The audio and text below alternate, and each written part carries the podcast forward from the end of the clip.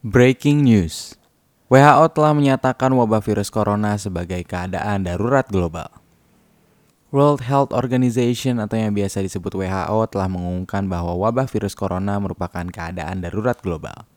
Hal ini diputuskan setelah wabah virus corona menyebar ke beberapa wilayah di luar Cina.